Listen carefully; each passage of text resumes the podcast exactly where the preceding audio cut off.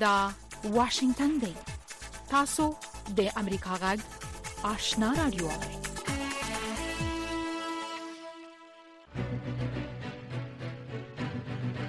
السلام علیکم درنو اوریدونکو زه زیبا خادم یم دا د امریکا غږ آشنا رادیو خبرونه ده د خبرونې په شروع کې تر هر څه مخکې د نړۍ د ساعت خبرونه واوري ویان سید سلیمان شاه سپینې ماڼۍ د افغانستان د پخواني حکومت د زوال د عواملو په باب د متحده ایالاتو د حکومت د څار د دفتر یا سیګار د روسي رپورټ په ځواب کې په یوې رسمي مطبوعاتي بیانیه کې ویلي دي چې د جمهور رئیس جو بایډن په مخ کې دوه لارې وي یوه لار دا وه چې امریکایي عسکر د افغانستان په کورني جنګ کې شامل شي د لا زیاتو عسکرو ژوند په خطر کې واچوي. بله لار دا وه چې د نږدې دوو لسیزو جنګ او د دوه زره میلیاردو ډالرو له مصرفولو نه وروسته په افغانستان کې جنګ چې د متحده ایالاتو تر ټولو اوږد جنګ ګڼل کېږي پای ته ورسوي او امریکایي عسکر خپل هېواد ته راستانه شي. د سپینې ماڼۍ په مطبوعاتي بیانیه کې راغلي دي چې ښاغلي بایډن د امریکا د ملي ګټو او منافعو په رڼا کې تر ټولو بهتره لار غوره کړله. عسکر یې راوویستل او خپله توجه یې د هغو تهدیدونو په لورې متوجه کړه چې متحده ایالات ورسره په راتلونکي وخت کې مخامخ کېږي. د بایډن ادارې ته د سولې داسې یوه توافقنامه په میراث پاتې شوې وه چې زموږ د متحدینو او د افغانستان د حکومت د کمزوري کېدو سبب شو. په بیان کې ویل شوی دی په داسې حال کې چې طالبان د 2001 میلادي کال نورستا د بل هر وخت پر پرتله تیر کال زیات پیوړو زمنګ د عسکرو شمیر کم شو د سپین معنی مطبوعاتي بیانیه وایي چې افغانستان له عسکرو دراويستو په برکت د متحده ایالاتو ملي امنیت پیوړی شو د افغانستان د پوخانی حکومت د کورنۍ چارو د روستي وزیر له قوله ویل شوی دی چې امنیتي چارواکو له افغانستان د امریکا عسکرو د راوتونه 15 ورځې مخکې ښاغلي اشرف غني اګاه کړ چې امریکايي عسکر د وتو په حال کې دي، خو د هغه مرستیالو ورته وویل چې دا د امریکایانو توطیه ده. د افغانستان او نړۍ خبرونه له امریکا غږ واشنګټن نه اورئ. د دفاع د وزارت سرپرست مولوي محمد یعقوب مجاهد چې د پنجشیر درې ته تللی و، د جمعې په ورځ یې په یوه بیانیه کې خبرداری ورکړ چې هېچا ته به د هېواد د امنیت د خرابولو اجازه ورنه کړي. د افغانستان لپاره د متحده ایالاتو د حکومت د څار ځانګړی دفتر یا سیګار وای چې د طالبانو رهبر مولوي هبت الله اخوندزاده په خپل یو تازه فرمان کې د اسلامي امارت منسوبینو او غړو ته هدایت کړی چې د دوو، دریو او څلور ودونو نه دې ډډه وکړي. د امر بالمعروف او نهی عن المنکر د وزارت د دې هدایت باوجود چې د تلویزیوني شبکو نطاقانې باید د پروګرامونو د وړاندې کولو په وخت له سترګو نه په غیر خپل ټول مخ پټ کړي، د شنبې په ورځ د ځینو تلویزیوني شبکو ښځو نطاقانو بې له دې نه چې خپل مخ یې پټ کړی د تلویزیونونو په صفحو راښکاره شوې. ویل کېږي چې په نړیواله کچه پر دغه پرېکړه د انتقادونو نه وروسته د امر بالمعروف او نهی عن المنکر وزارت خپل دریځ یو څه نرم کړی. د افغانستان د معارف وزارت وايي چې د طالبانو حکومت تر دې دمه یو زر اته سوه درې نوي نوي استادان مقرر کړي دي چې له دې جملې نه یې درې سوه او پنځه دېرش ښځې استادانې وې. د دغه وزارت د بشري منابعو مسؤل مولوي اول ګل ایوب د شنبې په ورځ په کابل کې امریکا غږ ته وویل چې په روان کال کې د شپږ زره نهه سوه شپږ نوي استادانو مقررول په پام کې نیول شوي دي. ټاکل شوې ده چې د افغانستان د معلولینو د باسکټبال ټیم چې د نړیوال سره صلیب کمېټه یا آی سي ار سي سرپرستي کوي د دوه زره دوه ویشت میلادي کال د اسیا د اوشنیا د باسکټبال د جام د ګټلو په لوبه کې ګډون وکړي. زموږ غږ د واشنګټن ناوري. د واشنګټن پوسټ ورځپاڼې د امریکا د ماساچوسټس د ایالت د روغتیايي چارواکو له قوله رپوټ ورکړی دی چې یو ناروغه کې د مونکي پاکس د ساري ناروغۍ ویروس چې مخکې په اروپا کې لیدل شوی ملاحظه شوی دی. روغتیايي ماهران وايي که څه هم چې د مونکي پاکس ناروغي په ندرت خپریږي خو یوه خطرناکه ویروسي ناروغي ده. د متحده ایالاتو د فدرالي حکومت د ساري ناروغیو د کنټرول عمومي مرکز یا سي ډي سي د پنځو کلونو او یوولس کلونو ترمنځ ماشومانو لپاره د بوستر یا مقوم په توګه د فایزر او بایونټیک د شرکت د کوډ نولس واکسینو د تطبیقولو سپارښتنه کړې ده. د ترکیې جمهور رئیس رجب طیب اردوان یو ځل بیا خبرداری ورکړی که شرطونه یې ونه منل شي نو په ناټو کې به د فنلنډ او سویډن د شمولیت مخالفت ته دوام ورکړي. د امریکا غږ د ډیپلوماتیکي چارو خبریاله سنډي سین وايي، ممکن چې ښاغلی اردوان له جمهور رئیس جو بایډن نه د یو لړ امتیازاتو د حاصلولو په فکر کې وي. او د امریکا د متحده ایالاتو پخوانی جمهور رئیس جورج ډبلیو بوش د تکساس د ایالت د ډلاس په ښار کې د جورج ډبلیو بوش په انسټیټیوټ کې یوې غونډې ته د وینا په مهال په داسې حال کې چې غوښتلې پر یوکراین باندې د نظامي تیري له امله د روسیې د جمهور رئیس ولادیمیر پوتین غندنه وکړي خوله یې خطا شوه او وویل چې د یو کس د پریکړې په نتیجه کې په عراق کې بې رحمانه او بې جوازه جنګ پیل شو. کله چې ښاغلی بوش خپلې غلطۍ ته متوجه شو نو خبره بدله کړه او ویل چې زما هدف یوکراین وو اوریدونکو وخندل ښاغلی بوش په قراره مسکه شو او ویل چې عراق هم ښاغلی بوش چې دوه دورې جمهور رئیس وو پنځه اویا کلن دی او د عراق جنګ هم د 2003 میلادي کال په پسرلي کې د هغه په امر باندې شروع شو د خبرونو پای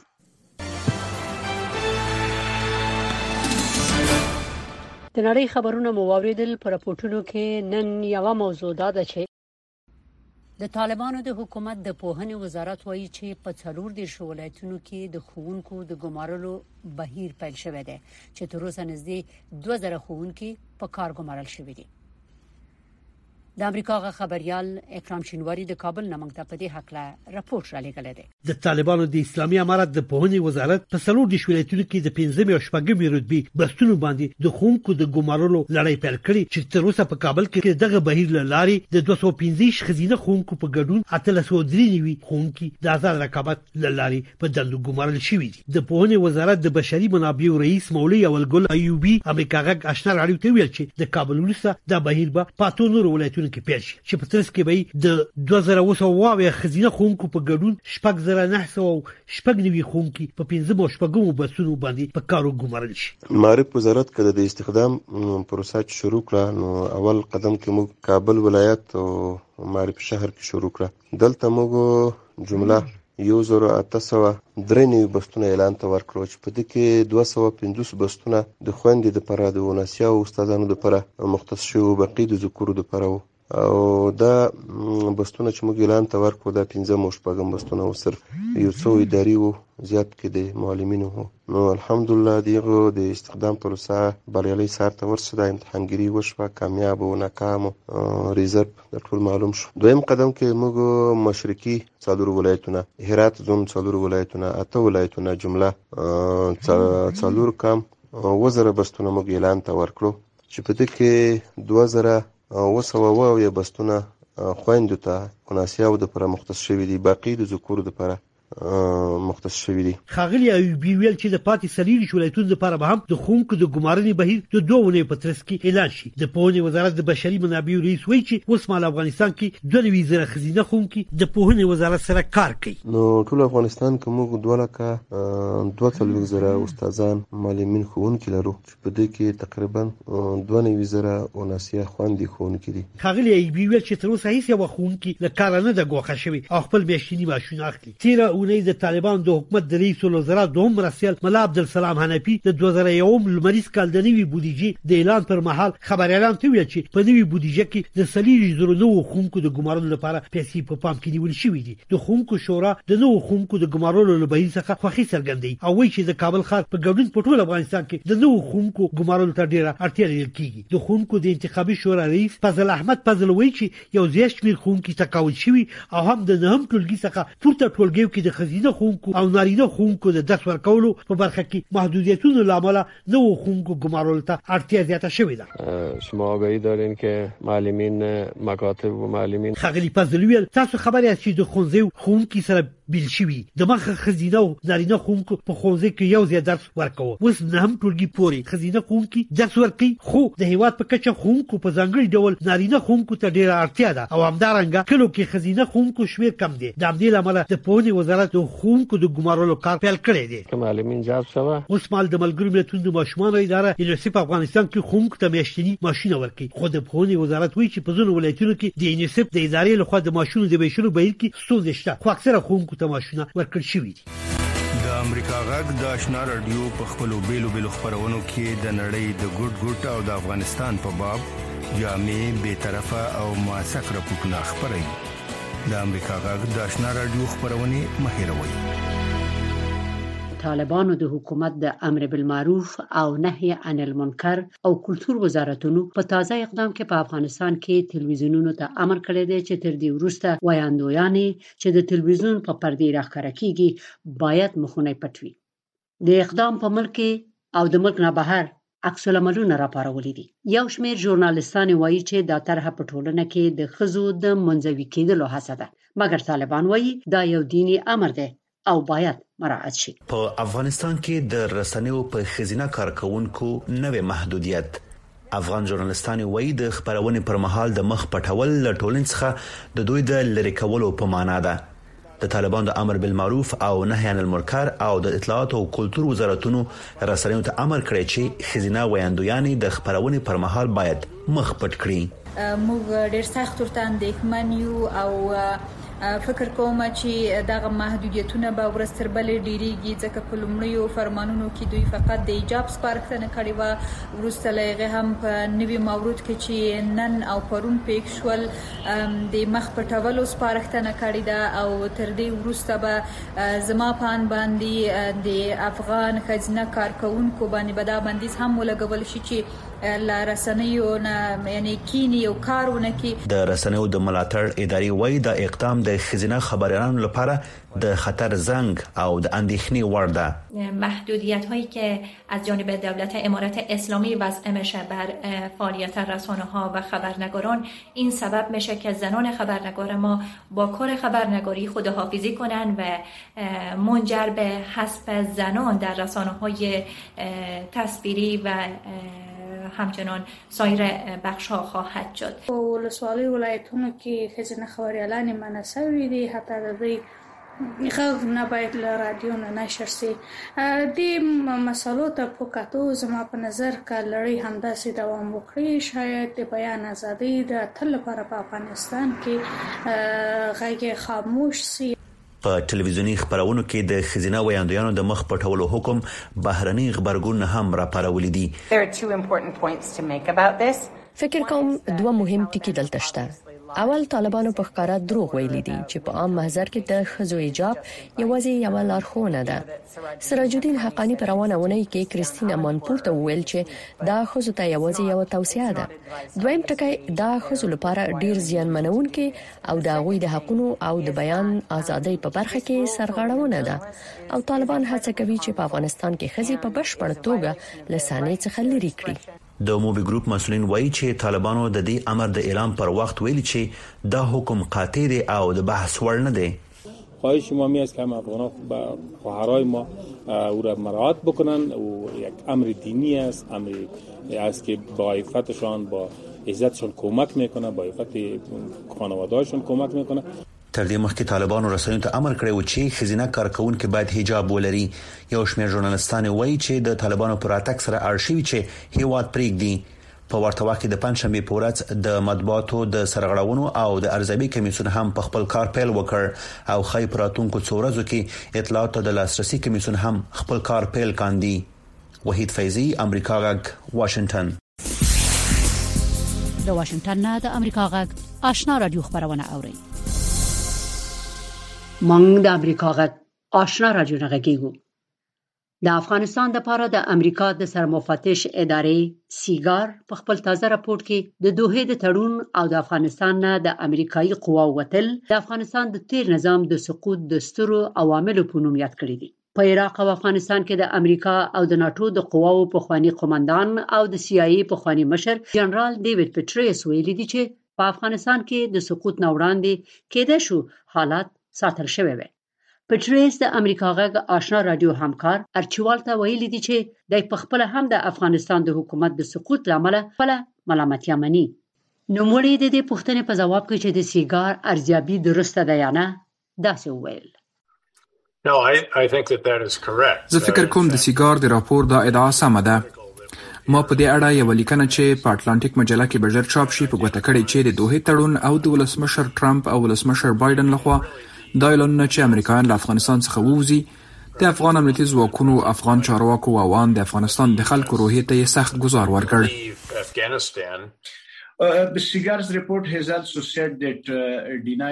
د سیګار په راپور کې راغلي چې د امریکایي ځواکونو له خوا افغان امنیتي ځواکونو ته هوایي ملاتړ نه ورکول د افغانستان د ولسواکه رژیم د سقوط یو بل لامل و. فکر نه کوئ چې امریکا د افغانستان له حکومت، چې د امریکا یو متحد و، سره د مرستې نه کولو له امله باید مسوولیت ومني او پښېماني هم ښکاره کړي.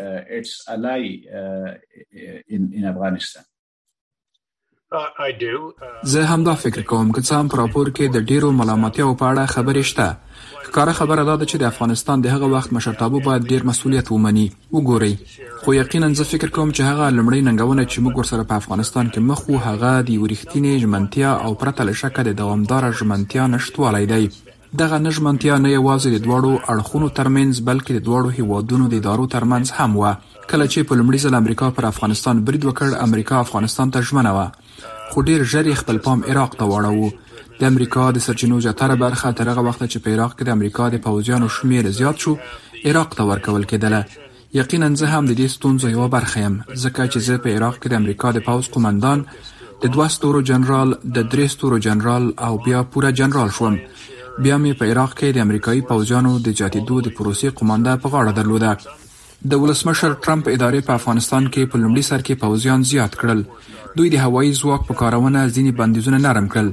او بیا دوی د طالبانو سره تړون چې د افغانستان حکومت ته یې د داسې یو تړون چې د دوی د هیواد په اړه و په خبرو اترو کې هیڅ برخه ورنکړه لاسلیک کړ. وروسته بیا د بایډن ادارې ستراتیژیک صبر ونه ښوده او له افغانستان څخه یې د امریکایي پوځیانو د راویستلو پرېکړه وکړه. له دې امله د دوامداره، روښانه او ستراتیژیکې ژمنتیا نشتوالی تل یوه ستونزه وه. تازه تازه د امریکا دفاع وزارت ویلي چې په افغانستان کې د القاعدې ډلې خاموشي تاکتیکي ده او دوی د طالبانو په خوله خاموشه دي. فکر کوئ چې القاعده اوس هم یو خطر دی؟ که دغه ډله په افغانستان کې له مینځه تللې؟ القاعده لا هم موجوده ده. د دې ډلې مشر وخت په وخت اعلانونه کوي او داسې ښکاري چې هغه په قبایلي سیمه او یا ښایي د افغانستان په ختیځ کې وي خو بیا هم زه فکر کوم نوموړی په پاکستان کې دی دا د حیرانتیا وړ نه ده چې طالبان ښایي القاعده په خپله خاوره برداشت کړي د طالبانو یو لوړ پوړي مشر سراج الدین حقاني چې امریکا یې پر سر انعام هم اعلان کړی، ویلي چې طالبان امریکا ته د دښمن په سترګه نه ګوري. ایا امریکا د ملګرو ملتونو او د امریکا له تور لیستونو څخه د طالب مشرانو د نومونو په لرې کولو غور کوي؟ زه په دې اړه نه پوهیږم، تاسو باید له امریکايي چارواکو په دې اړه پوښتنه وکړئ. زه ستاسې نظر په افغانستان کې د امریکایي او ناټو قواو د پخواني قوماندان یا د سي آی اې د مخکیني مشر په توګه نه اخلم. زه د چارو د کارپوه په توګه ستاسې نظر اخلم. امریکا لا هم له طالبانو د ټولګډونه حکومت د جوړیدو، د ښځو د حقونو، د نجونو د زده کړو د حق او نورو غوښتنو کولو ته دوام ورکوي. ایا امریکا به طالبان په رسمیت وپیژني؟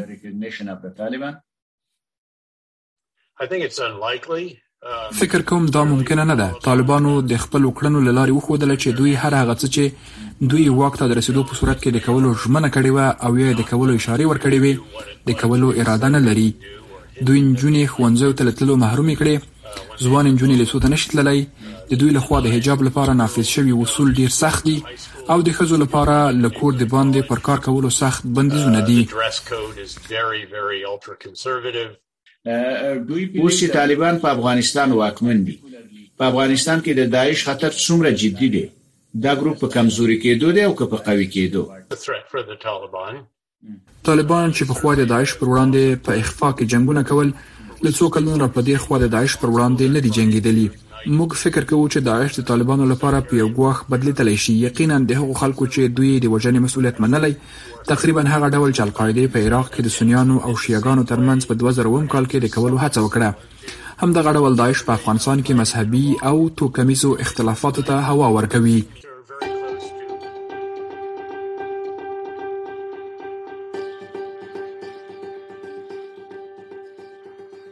کرونا یو ساري ناروغي ده او مخنیوي لپاره لازمه ده چې ټول احتیاطي تدابیر ونیسو هم ځانو ساتو او هم نور وخت په وخت لاسونه ومینځو د ټوخي او پرنجي پر وخت د سمال او یا څنګل خولې ته ونیسو له کوره به ضرورت بهر ونه وځو او د وټو پر وخت ماسک باندې خلا او فضا پټ دی کې د هر چا صحت خوندي کیږي زه نو شاباش نه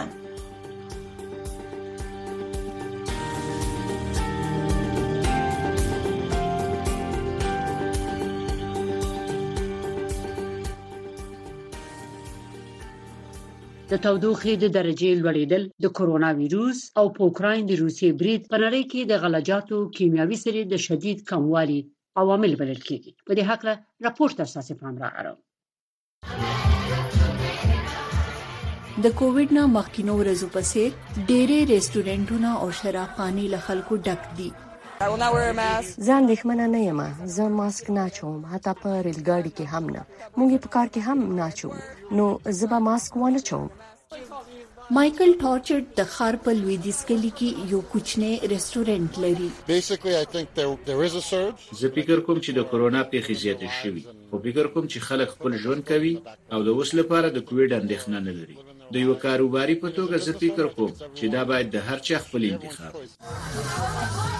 نیویارک یوازینی ښار نه دی چې لږ خلک ماسکونه اغوندي. امریکنیانو په ټول هیواد کې د کوویډ روغتیايي سپارښتنې پریښودې دي. د ګالب په سروې کې 50 سلنه جوابیونکو ویلي چې دوی په تیره اونۍ کې ماسک نه دی اغوستی. مطالعې دا هم وموندله چې امریکنیانو ترمنځ د ټولنیز واټن کچه شاوخوا اوولس سلنې ده راټیټه شوې. One of the metrics that I like to track. یوه موضوع چې زه یې له نژدې تعقیبول خوښوم د نیویارک په ښار کې اضطراري څنګو ته د هغو خلکو شمېر دی چې کرونا په څېر ناروغیو او یا علایمو د درملنې لپاره مراجعه کوي. د دې کسانو شمېر چې موږ لیدلی د مارچ راهیسې په لوړېدو دی خو هغسې نه دی لوړ شوی لکه په دیسمبر او جنورۍ کې چې و. د ساري ناروغو د کنټرول په وینا، په تېره میاشت کې د کوویډ د قضیو شمېره دوه چنده شوې او ډېری امریکنیانو د ماسک استعمالول او ټولنیز واټن بند کړی دی. شهناز نفیس، امریکا غږ، واشنګټن. د واشنگټن څخه د امریکا جغ آشنا را دوه اوري ملګرو ملتونو د چهارشنبه په ورځ خبرداري ورکړ چې د اقدام د نه کېدو په صورت کې به په نړۍ کې د خوراکي موادو د کموالي ستونزه کلونه کلونه ادامه ولري د امریکا د بهرنیو چارو وزیر په نیویارک کې د ملګرو ملتونو په ابتکار د نړۍ د خوراکي توکو د تامین په اړه د دغه سازمان د بهرنیو چارو وزیرانو په جوړې شوې غونډه کې وویل د اوکراین جنگ په نړۍ کې د خوراکي توکو د امنیت تر ټولو لوی بحران رامنځته کړی دی ځینې هڅه کوي چې د دې بحران پړه د روسیې په فدراسیون باندې د امریکا د متحده ایالاتو او ډېر نورو هیوادونو لخوا په لګیدلو بندیزونو واچوي دا سمه نه ده کله چی موږ په روسانو باندی د جنګ د ژر بندولو په خاطر بندیزونه لګول موږ په قصدی ډول او په ډیر احتیاط سره د زراعتی توکو او کیمیاوی سرو لپاره په استثنااتو قایل شوی وو. روسیه او اوکراین د نړۍ په کچه د ټولو تولید شویو غنمو دریمه برخه برابروي. په اوکراین کې د جنګ له امله د زراعتی تولیداتو له منځه تللو د نړۍ په کچه د خوراکي توکو بیې لوړې کړي او د خوراکي توکو امنیت یې د نړۍ په کچه په خاصه توګه په بېوزلو هېوادونو کې له نامعلوم برخلیک سره مخامخ کړی دی. راځئ چې واضح ووایو، په نړۍ کې د خوراکي توکو د کمښت بحران تر هغه وخته نه شي حل کېدلی چې د اوکراین د خوراکي توکو د تولید پروسه بېرته احیا نه شي او همدارنګه د جنګ باوجود په روسیې او بلاروس کې تولید شوي کیمیاوي سره نړیوالو بازارونو ته لار ونه مومي. د جرمني د بهرنیو چارو وزیري وویل، روسیې په اوکراین باندې په برید سره د بېوزلو هېوادونو اوسېدونکي له لوږې او محرومیت سره مخامخ کړي دي. په سومالیا کې یوې وږې کورنۍ په یمن کې یوې وېرېدلې مور ته او په مالي کې یو وږي زده کوونکي ماشوم ته ښايي په اوکراین کې د روسیې جنګ زرګونه کیلومتره لرې وي، خو دغه جنګ په میندو او پلرونو او په ټولو باندې خپلې ناوړه اغېزه لري. روسیا په اوکراین کې په ټانکونو او توپونو جنگ کوي خو روسیا یو بل جنگ هم د لوږې او محرومیت په خاموش او اصلي سره پر مخ وړي د امریکا د بهرنیو چارو وزارت وایي یو سل درې نوي میلیون کسان د نړۍ په کچه په دوه زره یوویشتم کال کې د خوړو له شدید کمښت سره مخامخ وو دغه شمېره د وړم کال په پرتله څلوېښت میلیونه زیاتوالی ښیي همدارنګه وړاندوینه کیږي چې د روان کال تر پایه به هم څلوېښت میلیونه نور د فقر او قحطۍ کندې ته ورټېل وهل شي. مومن خان واحدي د امریکا غږ واشنګټن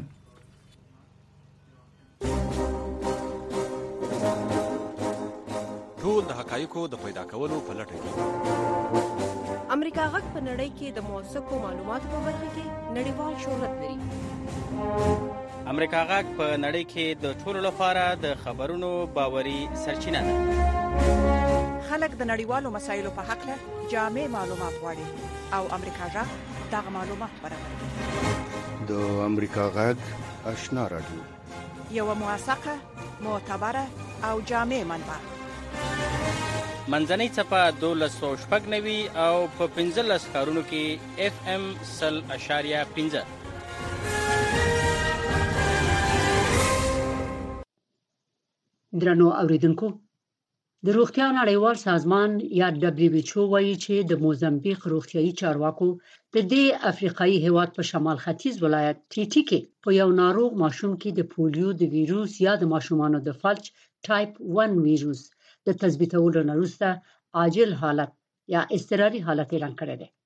سږکال د افریقا په جنوب کې د دې ویروس دا دویمه مثبته پیښه وه په دې حق له د حرارې نه د امریکا غږ د خبريال د رپورت خلاصه زموږ همکار سید سلیمان شاه لولي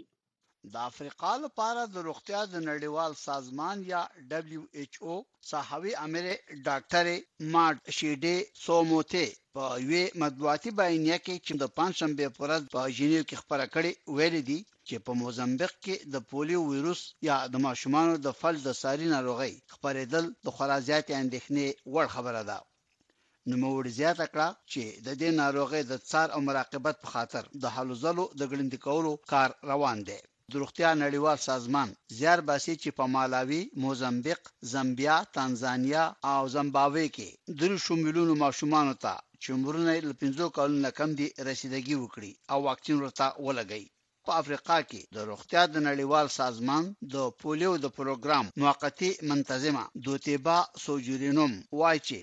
په لومړي قدم کې باید په بهتر شکل د واکسین لګولو کمپاین پیل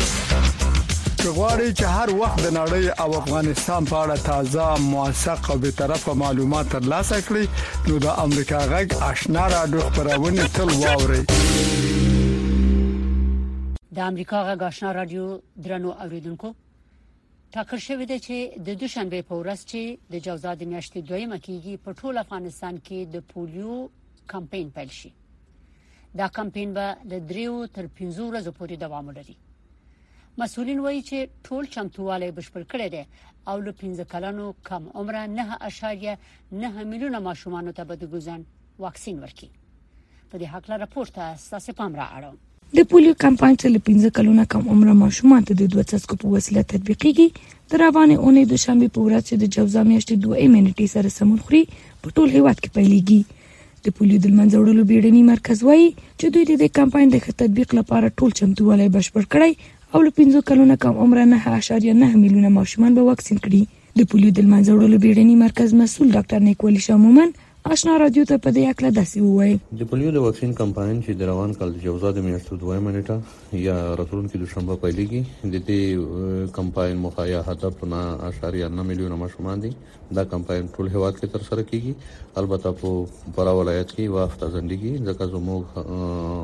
د کمپاین تیارای یا ټریننګونه